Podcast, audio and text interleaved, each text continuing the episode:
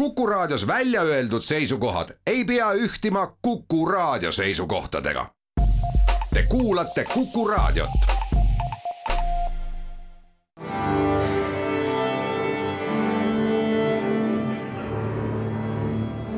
daamid ja härrad, Eesti Kontserdi saade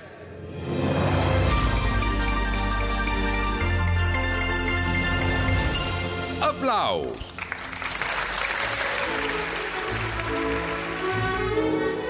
Tere kõigile, Eesti Kontserdi saade Applaus, mina olen Lauri Aav. on esimene juuni ja minu jaoks isiklikult on see alati tähendanud suve algust ja nii võibki öelda, et kontserdihooaeg kaks tuhat kakskümmend üks, kaks tuhat kakskümmend kaks on otsa saanud.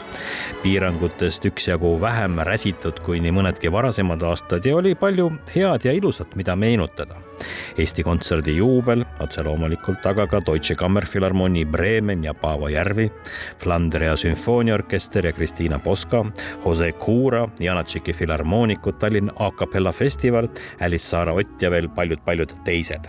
suvi aga algas nüüd just ja ees on ootamas palju festivale. nagu mitmelgi varasemal aastal ei lähe me aplausiga siin Kukus suvepuhkusele, ilmume läbi suve siit-sealt eetrisse ja liigume ringi koos meie suviste festivalidega festivalidega.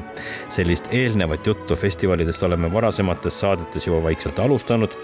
üle-eelmises saates rääkisime Pärnu ooperipäevadest, kus külalisteatriks Poola kuninglik ooper kavas Mozarti Don Giovanni, Stanislav Munjuško ooper Õudne mõis ja traditsiooniline pidulik Poola kuninglik ooperi galakontsert Õhtusöök, kus on õhtujuhiks Anu Välba ja kõik see seitsmendast üheksanda juulini Eesti parima akustikaga ooperiteatris ehk siis Pärnu quando se demais eelmises saates oli peateemaks Haapsalu Valgete ööde festival, varasemalt tuntud ka kui Haapsalu Tšaikovski festival, mis aga nüüd on oma muusikalist ampluaad laiendamas ja meil endalgi on majasiseselt veel natukene keeruline uue nimega harjuda, see võtab aega. aga kuupäevad on seal kolmekümnendast juunist kuni kolmanda juulini ja kontserdid linna erinevates paikades, esinejateks näiteks lätlaste maailmakooride absoluutsesse tippu kuuluv segakoor Latvia vanavene kirikumuusikakavaga, samuti Läti ansambel Dagamba, mis muide päriselt Lätis staadioni täis müüb. Laupäeval kell üksteist õhtul öölaiviga Tšaikovski featuring The Gamba. ja kohal on ka Tallinna Kammerorkester, kes annab klassikalise muusikakontserdi Haapsalu linnuse hoovis, kus kõlavad Mozarti kahekümne üheksa sümfoonia ja Tšaikovski rokoko variatsioonid, mille solistiks on Marcel Johannes Kits, kes just praegu pürgib Brüsselis kõrgete kohtade poole kuninganna Elizabethi konkursil.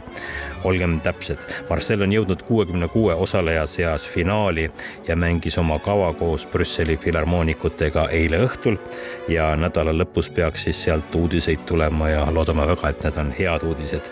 Need äh, on päriselt nagu keelpillimängijate olümpiavõistlused ja läks jutt natukene kõrvale Haapsalu Valgete Ööde festivalilt, vabandust, aga toimub see festival iseenesest kolmekümnendast juunist kolmanda juulini, endine Tšaikovski festival veel on tulemas traditsiooniline In Horto Regis üheteistkümnendast viieteistkümnenda juulini, kus Hortus muusikus lisaks oma kodusele väravatornile esineb ka Mustpeade majas ja Kadrioru lossis. üldse tahaks teie tähelepanu pöörata Kadrioru lossile, kus suhteliselt uue algatusena nüüd siiski jah, juba kolmandat suve järjest on Kadrioru lossi suveklassika kontserdid igal neljapäeval, kolmekümnendast juunist kuni kaheksateistkümnenda augustini Ida-Virumaal on esimesest üheksanda juulini taas kord toimumas seitsme linna muusikafestival erinevates paikades ja väga pika traditsiooniga suvine muusikasündmus oli vist aasta tuhat üheksasada üheksakümmend kaheksa, kui me seda esimest korda seal korraldasime.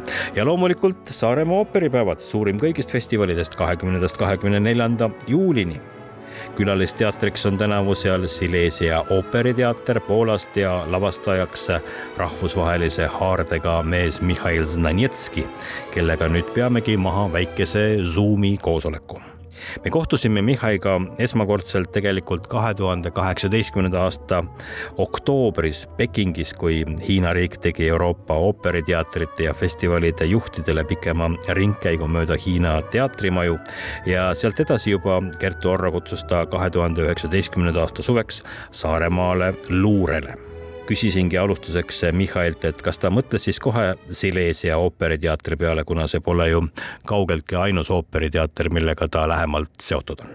You know, I like challenges, so just mulle meeldivad väljakutsed, aga ma ei otsustanud kohe. tähtis oli ise Saaremaale kohale tulla ja tunnetada seda kohalikku festivali atmosfääri, siis hiljem sain juba mõelda, et mis oleks see, mis kohalikku publikut kõnetaks.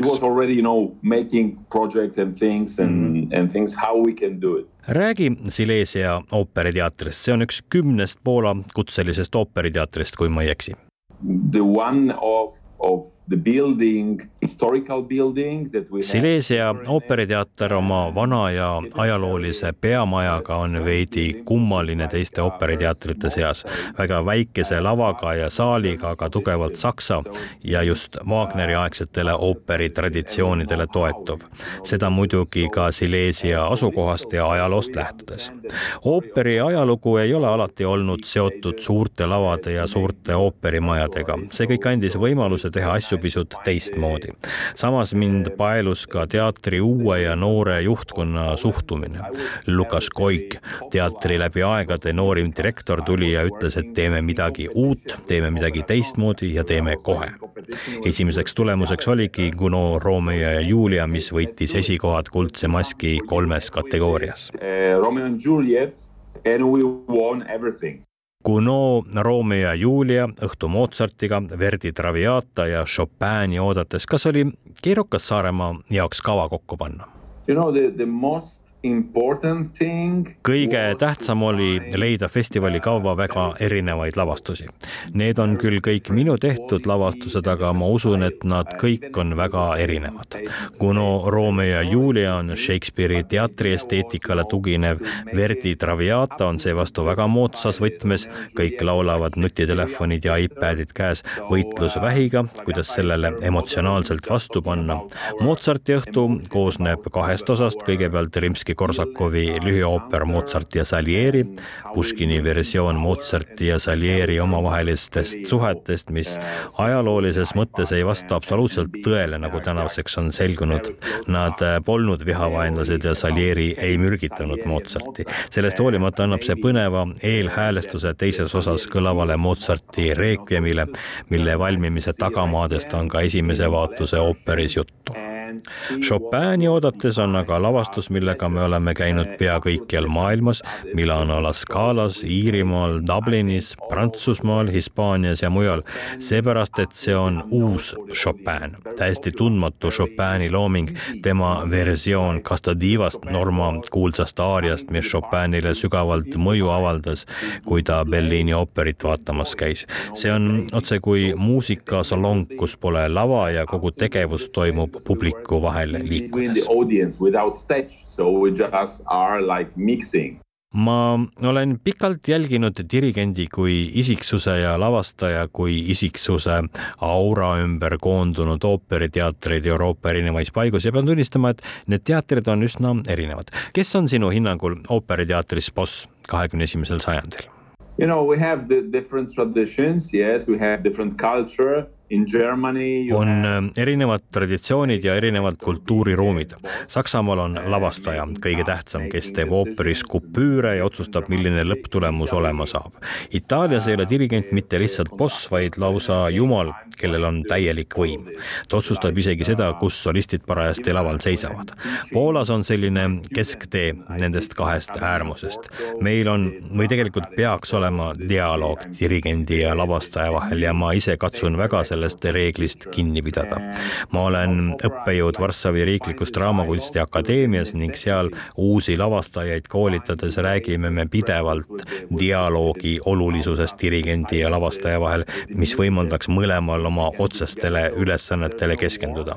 ma loodan, et iga dirigent mõistab, ma olen temaga, mitte tema vastu. ei ole mingit sõda. ma tean väga hästi, mida ma lavastuslikult soovin näha, aga ma kuulan ka hoolega, kuidas see muusika muusikaga kokku kõlab.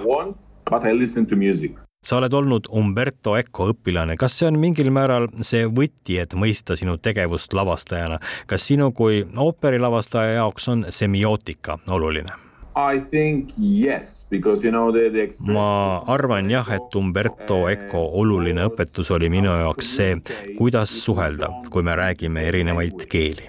kuidas leida neid märke, mille abil edastada oma emotsioone teisele inimesele, et temaga dialoogi astuda.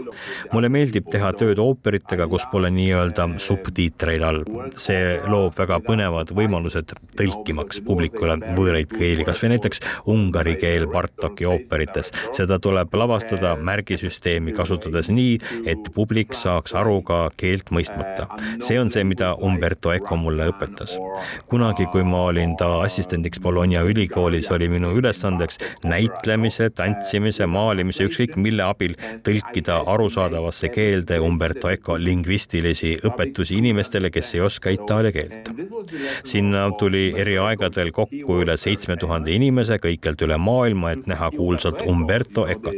see oli kuskil tuhande üheksasaja kaheksakümne üheksandal aastal, äsja oli ilmunud Roosi nimi ja selle järgi tehtud ka film. kõik tulid teda kuulama, arvates, et ta räägib Sean Connerist, mitte semiootikast. Eco ütles siis, et heakene küll, kui nad kõik juba siia on tulnud, räägime siis nendest asjadest, mida mina õpetan. ja minu ülesandeks oli siis tõlkida semiootika põhialuseid turistidele arusaadavasse keelde. ja see on see, mida ma ka oopereid lavastades püüan teha, sest et alati on saalis kakskümmend kuni kolmkümmend protsenti nii-öelda ooperituriste. Nad on täiesti ettevalmistamata, pole kunagi vaadanud ooperi partituuri ega libretot läbi lugenud ja siis ongi minu töö öelda läbi oma lavastuste neile, et sõbrad, see kõik siin on ka teie jaoks. mis sest, et te pole selleks valmis, te pole muusikud ega ooperigurmaanid, kõik, mida te kohe nägema ja kuulma hakkate, puudutab ka teid ja ma luban, te naudite seda lover, but you will enjoy it. So this is the lesson of Umberto Eco, yes.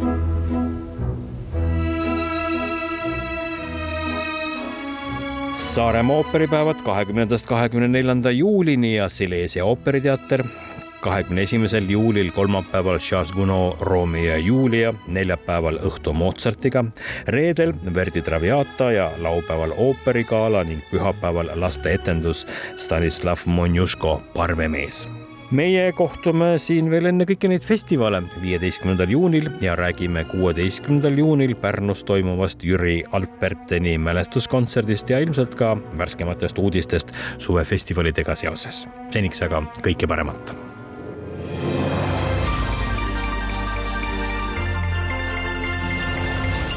aplaus